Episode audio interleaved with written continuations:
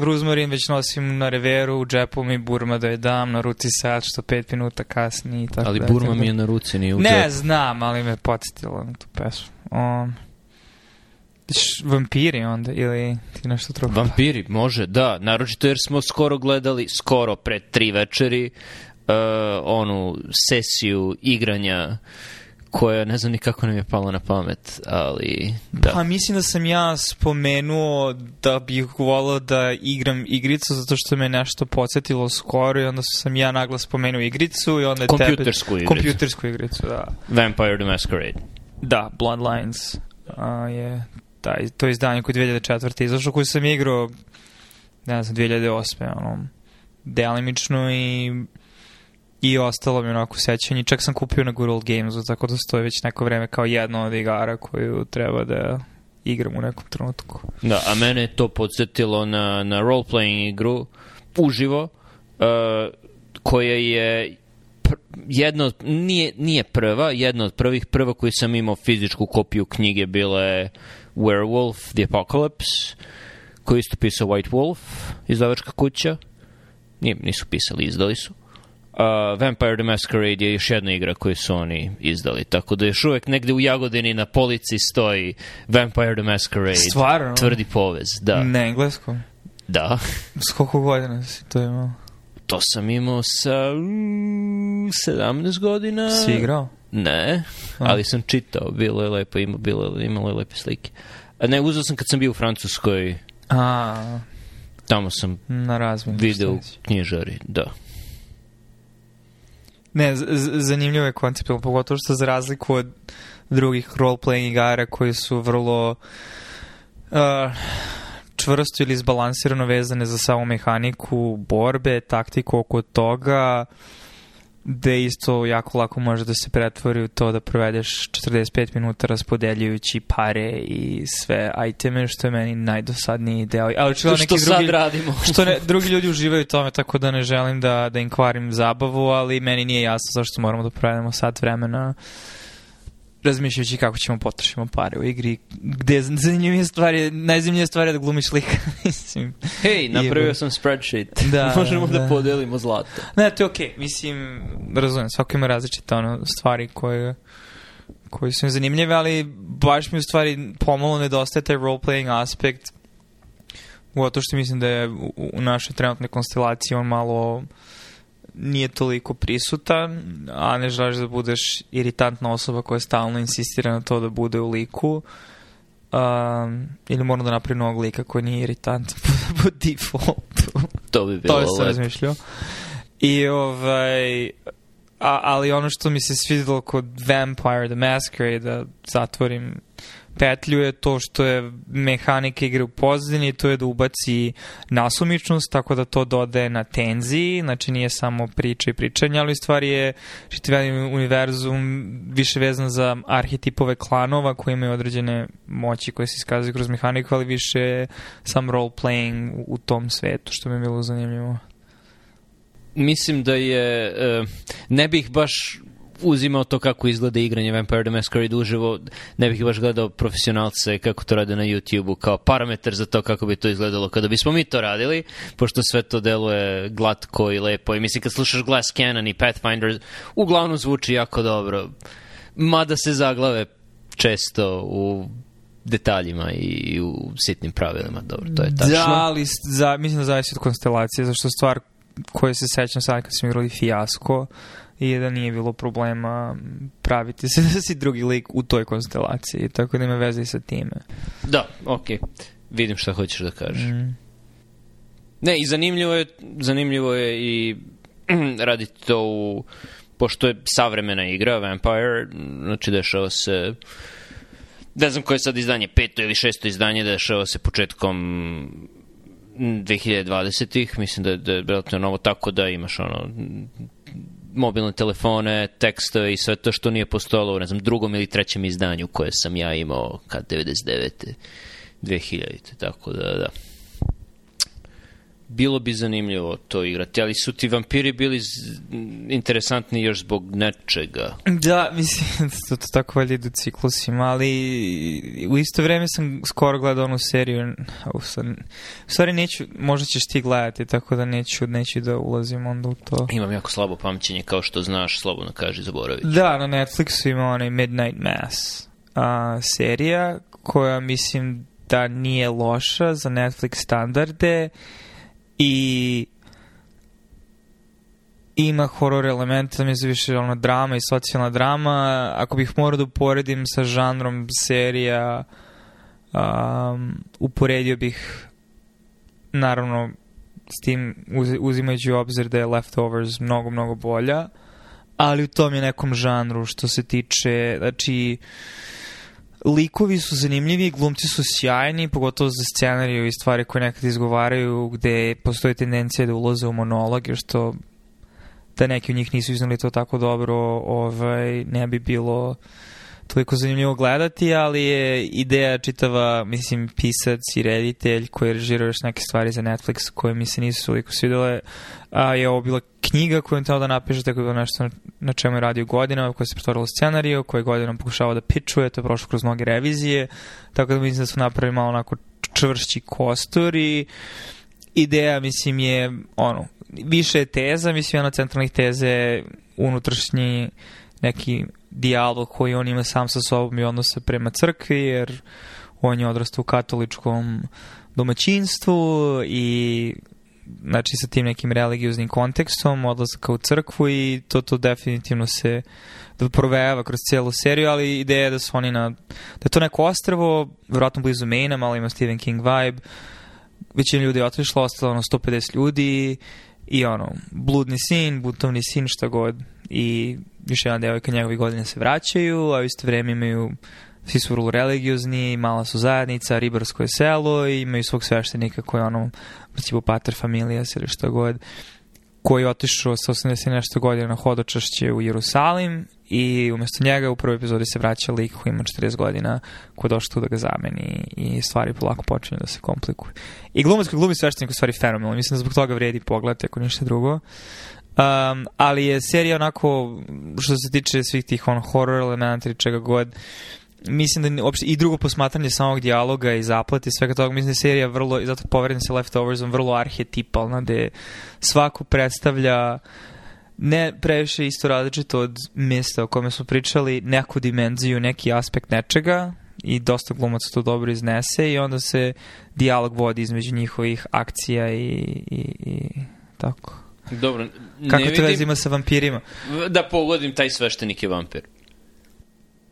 Mm, manje više, da, da. Ali i čitava ideja, mislim, zašto, zašto sam spomenuo ovu seriju? Zato što na tom nivou arhetipalne interpretacije me se zapitao mitologiji vezano je za to i šta je to vezano za određene onom elemente horror žanrova gde postoje jasno utvrđeni uh, utvrđena pravila za određene grupe bića ili šta god, koje na neki način pričaju o nekim našim unutrašnjim strahovima i kroz elemente horora naravno to možeš da istražiš zato što je horor preekstremna verzija toga, ali ti ono dozvoljava da priča o stvarima o kojima možda ne bi pričao. Zato su dobri horror filmovi jako dobri filmovi, jer su u principu dobre studije karaktera, ličnosti i društvene kritike, ali zapitao sam se o arhetipu vampira u principu i, i zašto postoji kao takav i zašto se ustoličio manje više kroz sve kulture sada, znači na internacionalnom nivou u smislu skup karakteristike suštinska karakteristika je dobro ustanovljena, da tako kažem. A to je biće koje pobeđuje smrt, ali je mrtvo, koje u isto vreme uh, živi od toga što uskraćuje život drugim živim bićima da bi održalo svoj život, a, krije se u mraku, beži od svetla, istine, znači na svetlu se vide, vide stvari, u mraku se stvari ne vide, uh, i zašto uh, opet su vampiri, a da se vratim na Vampire the Masquerade, na neki način poznatim navoda cool, uh, gde često u vampire projektujemo neke naše ideje, da kažem, ljudskosti. Znači, vampiri vole umetnost, vampiri su često vrlo načitani, žive kroz istorije, kroz vekove, vide različite civilizacije koje rastu i padaju.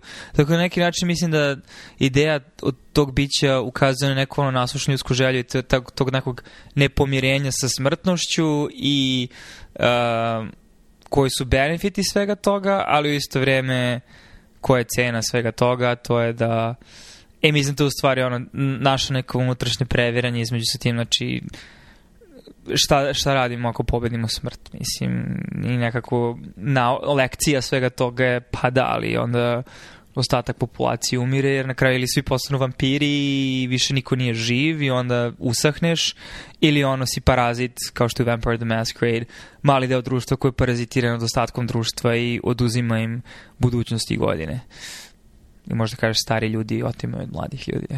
Hoćemo da svedemo na neki... Uglavnom, to je neki okvir u kome sam razmišljao. Ne znam da li imaš bilo kakav komentar s obzirom da snimamo monolog za njih pet minuta.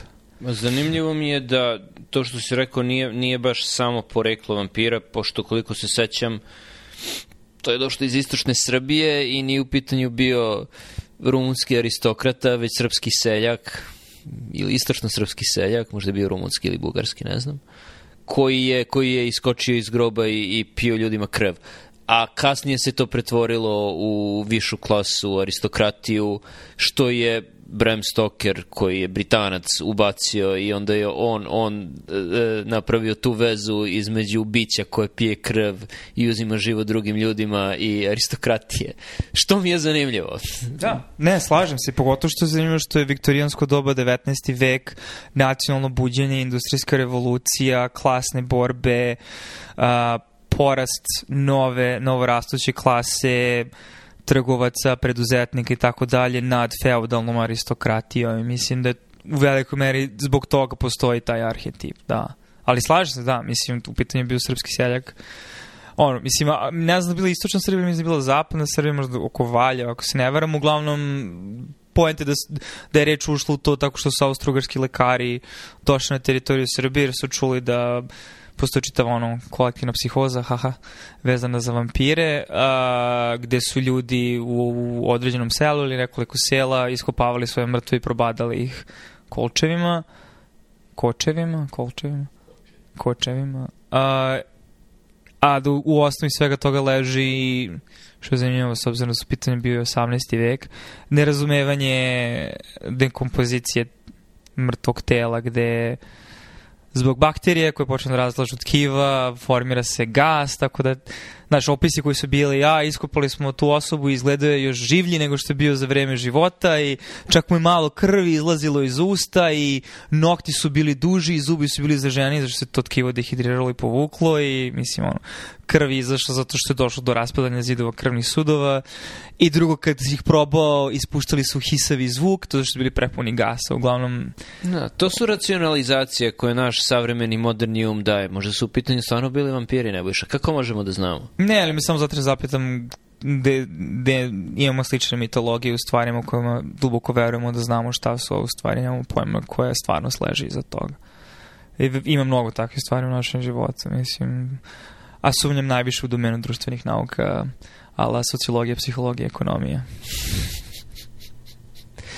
Uh, da. To što si rekao o starima koji mladima piju krv je, je naročito zanimljivo u kontekstu covid i um, uvođenja restriktivnih mera koje su imale smisla početkom, sredinom, pa i krajem 2020. dok nisu počele vakcine, sada imaju sve manje smisla kada su vakcine dostupne i ne znam kako će, ja mislim da se tu slažemo, ne znam kako će ljudi koji sada imaju 17, 18, 19, 20 godina naročito ovde, mislim da u Srbiji nije tako, ali ovde e, gledati na starije koji su im uveli jednako skupe, ali virtualne univerzitete gde ljudi plaćaju školarine od 40, 50, 60 hiljada godišnje, a ne smije da dođu na predavanje i da pričaju sa ljudima, ili uh, mogu da ostanu u dorm, u domu, mogu da ostanu u domu samo ako se, ne znam, testiraju jednom dnevno i dobiju dve vakcine i pet boostera i, i dosta, dosta uslova ima za to, čak i ako plate basnoslovne sume. Mislim da neće baš blagonaklonno gledati na, na to. Da. I to je ono, pričali smo, dotakli smo toga tamo, tom nekom tranzitornom periodu i mislim da jedan od faktora će biti kako će nova ekonomija koja očigledno se formira sada, znači formiraju se neki novi, novi prevrati, mislim um, kako će nova radna snaga u toj novo nastaloj ekonomiji um, koja će biti slična ove, ali na neke bitne načine gotovo sigurno različita uh, ne pričamo o kriptovalutama, pričamo o bitnosti biotech industrije, o dekuplovanju akademske nauke, potencijalne i generalno nauke koja je nevezana striktno za univerzitete, ali opet to ima toliko ljudi koji se bavi toliko sa toliko stvari i pitanje šta će tih stvari opstati ili biti funkcionalni sistem, šta je samo primordalni neo nečega što će možda funkcionisati za vek, a šta će biti funkcionalno za par decenije i šta toga je totalno nefunkcionalno. funkcionalno Tako da, ali definitivno postoje sentimentalno čemu smo pričali, znači ti si pričao ono, znači postojala ideja određenog društvenog konsenzusa i referentnog sistema, pravila igre po kojima treba da se ponašaš da bi po znacima navoda uspeo ili imao normalan život i mislim da ono, naša generacija ljudi koji su ovde i velikog broja ljudi u Srbiji na tržištu rada shvata da škole koje su išli i veštine koje su usvojali potencijalno nisu potrebljive ili toliko, nisu to dovoljno tražene na tržištu rade i postavlja se pitanje, i opet, možda ovo možeš pričaš i bullshit poslovima ili šta već, čega smo se doticali ranije, ali znači mora, znači ta energija će verovatno biti usmerena u neke druge smerove, samo što još ne znamo u koji na koji način se ljudski kapital može, mislim, ono, može, može mislim da kažem investirati ili koristiti, ali na koji način, da ljudi mogu sebe da nađu um, izvore rada, produktivnosti, šta god. Ako su im uopšte potrebne. Polaziš pod pretpostavkom da svako želi da radi, a ne želi da provedi, da. da. provede... Da, i to je ono, to misattribution error ili šta već. Mislim, da, da, ja, ali to je ono, zato što ja mislim da Da, I to je da, mislim to si pravo zato što je to teza s kojom se ja sam borim jer meni je aksiomatski da neka vrsta nekog rada ti daje smisao životu. Uh,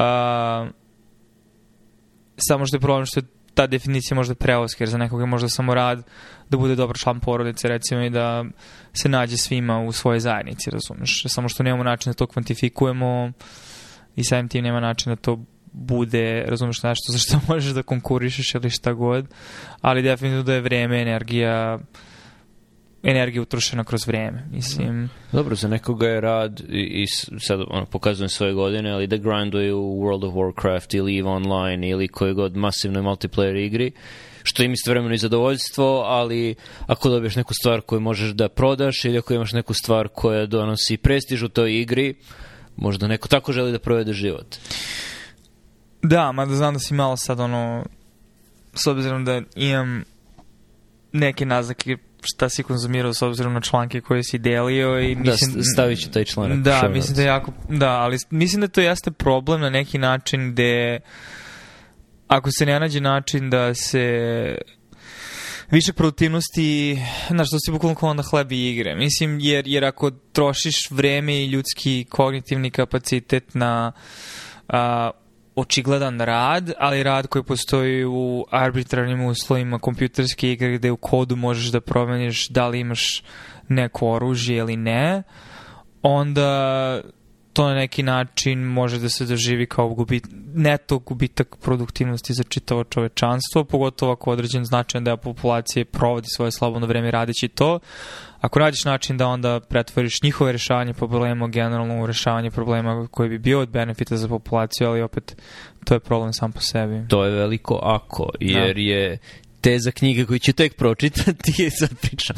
Došli smo toga da pričamo o knjigama koje još nismo čitali. Ok, ali knjiga je Bullshit Jobs uh, i teza te knjige je da postoji puno poslova, naročito administratorskih poslova, uh, koji, koji ne, nemaju poentu i mogu ti reći ako je alternativa da neko tome da neko troši vreme u masivnoj multiplayer igri, to da bude administrator i da pravi neto negativan uticaj na ljude koji zaista imaju šta da rade, onda je bolje da provedu vreme u meta univerzumu, metaversu ili kako ga nazoveš. Praveći pare za korporacije dalje doprinošeći raslojanju. To je ono problem što jako mi to depresivna slika budućnosti. Nadam se da nećemo završiti to.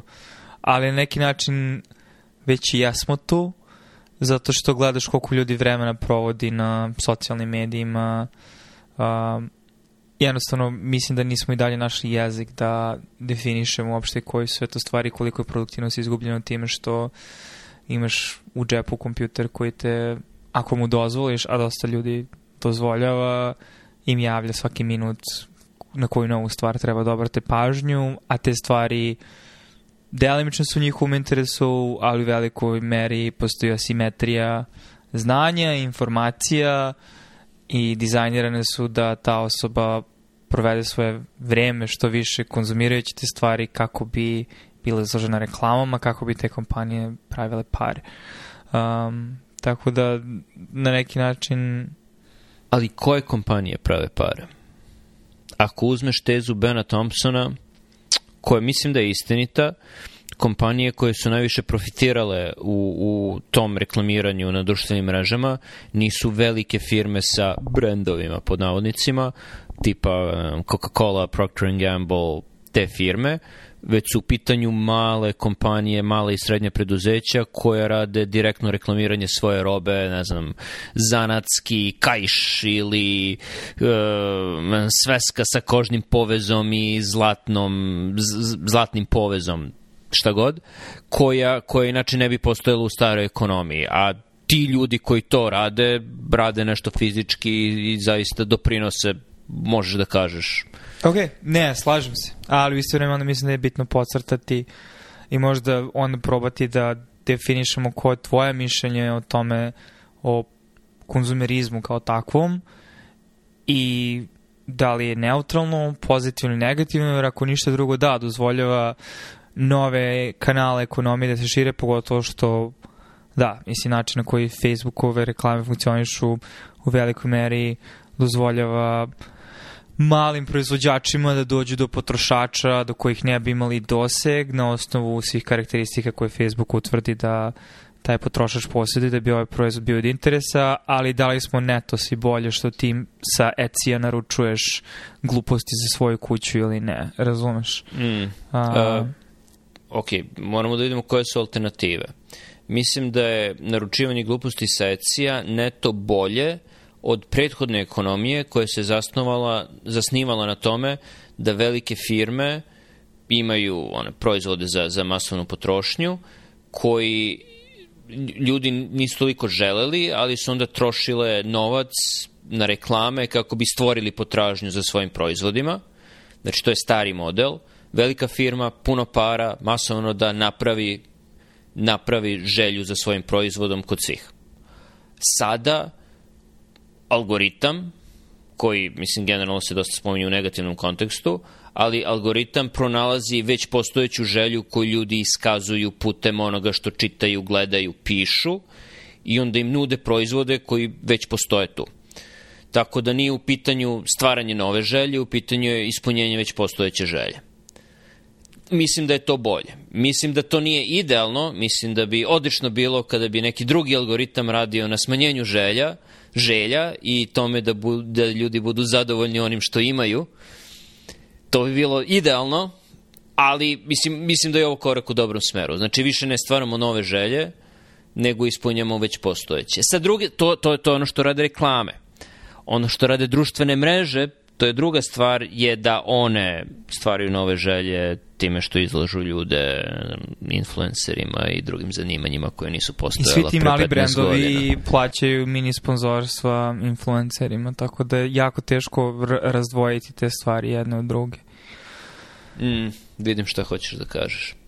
I isto cena toga da ti provedeš 6 sati na nečemu da bi potencijalno dobio bolje definisan proizvod. Mislim. Ali čekaj, ko provodi 6 sati na tome? Pa ja mislim da veliki broj ljudi. Omladina nad kojim si upravo lamentirao da im stari kradu mladost ja time što njih... ih teraju u virtuelni svet. Ali, ali ne mogu isto vreme njih u potpunost... Ne, ne, ne, ne, ne, ne, ne, ne, ne osuđujem ništa, samo kažem u kom smo stanju stvari. Drugo, ako ništa drugo barem ja kako vidim to na osnovu svog iskustva, je da sve te stvari su jako dizajnirane da uh, on, skinner kutije. Mislim, i možda ti nemaš toliki problem sa tim i velim da određena manjina ljudi nema toliki problem sa tim, a recimo ja znam da ja imam problem sa tim, da ja ne mogu da imam TikTok zato što znam da bi previše vremena gubio na tome jer su to kratki klipovi gde upadaš u dopaminski loop gde samo klikćeš i na nove stvari, nove stvari, taj ciklus, ono, bukvalno si kao harčak, mislim, u,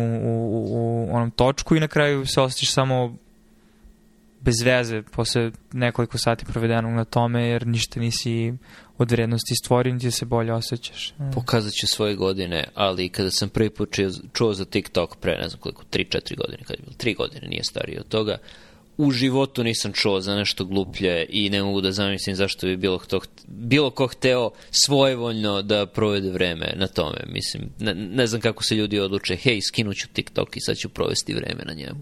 Zašto to ljudi rade? Zato što je na neki način on adresira određene ljudske potrebe za... Gledanjem kratkih videoklipova.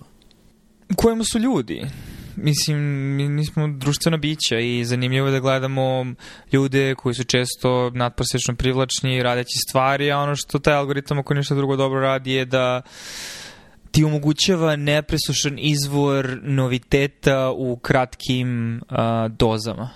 Tako da nemaš taj moment da ti u nekom trenutku opadne pažnje, da ti je dosta, nego se non stop vrtiš na tom, u tom lupu uh, ovaj, neke novosti, sad gledaš neki recept za to kako će neko da napravi nešto u air fryeru, pa se onda prebaciš na neki meme, pa je onda u pitanju neki ples, pa je onda u pitanju ne znam, neka rutina vezana za vežbanje, umjesto da to vreme provodiš živeći u stvarnom svetu.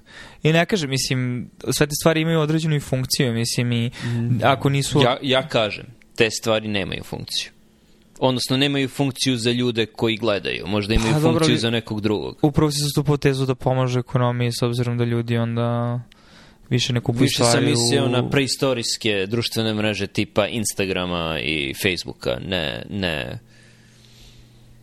Da, ali oj, svi oni pozemljuju motive, elemente i, i, e, formate jedni od drugih s obzirom da je Snapchat bio prvi ili jedan od prvih popularnih koji je uveo kratki video, pa onda Musical.ly koji je prešao u stvari u TikTok, ali mislim Instagram priče, uh, Facebook ima sličnu stvar, Whatsapp ima tu stvar sad, tako da imaš elemente svega toga samo inkorporisane u samu infrastrukturu tih mreža na različite načine, ali uh, kratki klipovi su tu da ostanu, mislim, i, i nema nazad i pogotovo sa tim svako će imati sve bolje i bolje telefone u godinama koje dolaze, će biti sve jeftiniji i jeftiniji i mislim da idemo ka tome. Samo pitanje je šta raditi sa svim time. Da li su to klipovi koji su dizajnirani, da algoritmovi koji su dizajneri ti stavljaju klipove koji će ti malim dozama da ti daju inkrementalno poboljšanje u određenoj veštini koja će te učiniti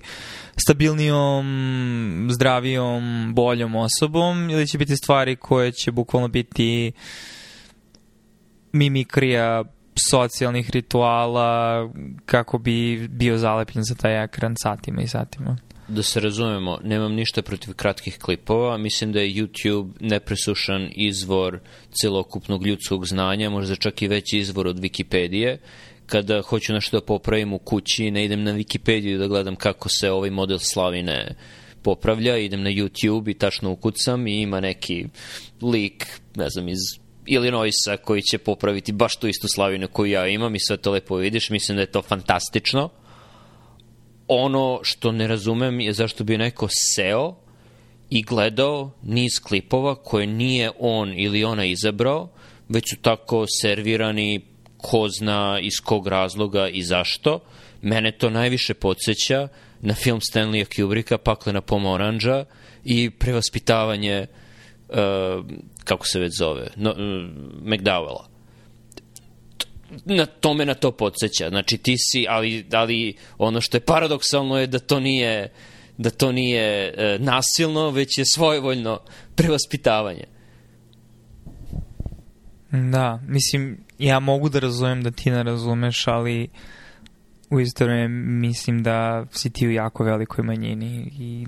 Ja mislim da sam u ogromnoj većini. Koliko ima korisnika TikToka na svetu? Ne, mislim TikTok, ali mislim da je sad promislio što je u pitanju jedan kontinuum i zato što svi oni imaju kuke kroz koje se kače u odlačenje tvoje svakodnevne pažnje. Znaš, pre 10 godina je bio Reddit, ali on je bio, nije upola toliko razvijen i tim te algoritme više bio organski. Mada opet ono, astroturfing na Redditu ima, ima svoje mesto, ali novi socijalni medije, znači posle 2010. i posle su dizajnirani sa tim algoritmima koji su tu da te drže, uključujući YouTube. Mislim, YouTube ima veliku disperziju između sadržaja, ono, možda nađeš klip od 30 sekundi, možda nađeš klip od 3 sata, ali algoritam je tu da ti konstantno preporučuje nove klipove iz oblasti koje su malo drugačije od onoga što ti radiš, kako bi ti konstantno konzumirao uh, njihove sadržaje. Najbolja stvar koju sam uradio pre 7-8 godina je da isključim autoplay na YouTube-u. Okay. Ali razumeš, sve te stvari sto, posto, znači, ako ništa drugo, te, ako ti je teško da poverš to, ako ti, ako ti ništa drugo nije indikator zašto se to dešava ljudima, zašto ne postoje stvari kao što je autoplay na YouTube-u, zašto postoji Netflix, zašto, zašto postoji koncept bingeovanja serije, razumeš? Ok, autoplay na YouTube-u ili autoplay, postoji zato što YouTube hoće da ti servira što više reklama, a to može samo ako provede što više vremena na YouTube-u, a to može tako što ti pušta niz videa. Mislim, okay. to, to nije, nije teško za, za shvatiti. Ali zašto je onda teško shvatiti tebi da ljudi, uprko svojim dobrim namerama, u proseku možda završe češće nego što bi Dobro. Da, da. želeli u situaciji da gledaju nešto što ne bi želeli da gledaju. Možda opet pokazujem svoje godine, ja ne odlazim na YouTube sa namerom da, da pitam YouTube, hej YouTube, šta želim da gledam danas, već odem tražeći uputstvo kako popraviti sedište na mojoj staroj Honda i Oresi koje se kvari svake 2-3 godine i onda svake 2-3 godine moram isti video da tražim na YouTube-u. Ne znam, da, nikada nisam otišao, e, sad ću malo da idem YouTube da vidim šta ima. Znači, idem zbog konkretnog razloga i zato i ne volim Autoplay. I ako neko ode i onda krene Autoplay, onda razumem, ok, zadržiti pažnju, onda sad gledamo sedišta na svim godištima i modelima Honda kako se menjaju, ok. To, to mogu da razumem. Ali neko da svojevoljno ode i da samo, ok, servirajte mi nešto, mislim, protiv toga smo se borili. To je bilo koncept interneta da ti izabereš šta želiš da gledaš, a ne da sedneš pred TV-om i tada si mogu da biraš kanale ako ništa drugo. A ne samo, ok, sad ću da odem na TikTok da vidim šta će TikTok da mi pokaže. To mi je, to, to mi je nazadovanje. Veliko nazadovanje. Kao što je, to je, je jedan veliki korak unazad, samo blago da se, da se osvrnemo. Dobro je što smo, koliko je prošlo? 35 minuta nismo spomenuli e, kriptovalute i, i blockchain, kao što i blockchain, ono Web3, stavit ću link ka onom odličnom tekstu ne onaj koji misliš zašto kriptovalute nisu dobre, već lik koji je bio jedan od snivača signala, znači bavi se kriptografijom profesionalno, probao je nešto da radi na Web3 i njegovi komentari o Web3 i ono što je on rekao, što nemam razloga da mu ne verujem, uh, je da je u pitanju stvar koja je zanimljiva i vidi zašto ljudi koji, se, koji razumiju tehnologiju, zašto bi želi time da se bave, ali da je nije jedan ili dva, nego pet koraka unazad u odnosu na web 1.0, a kamoli na web 2.0. I tako da je glupo nazivati ga web 3 kada privatnost nula u odnosu na web 2 i decentralizacija koja već počinje da biva centralizovana jer ljudi idu na Coinbase za svoje kriptovalute, idu na OpenSea za svoje NFT-eve, idu na centralne sisteme. Tako da, da ne znam iz kog razloga, valjda zato što, valjda zato što mladi ne veruju starijim generacijama kada im kažu hej, nemojte da pravite iste greške koje smo mi pravili, tako da srljaju iste greške.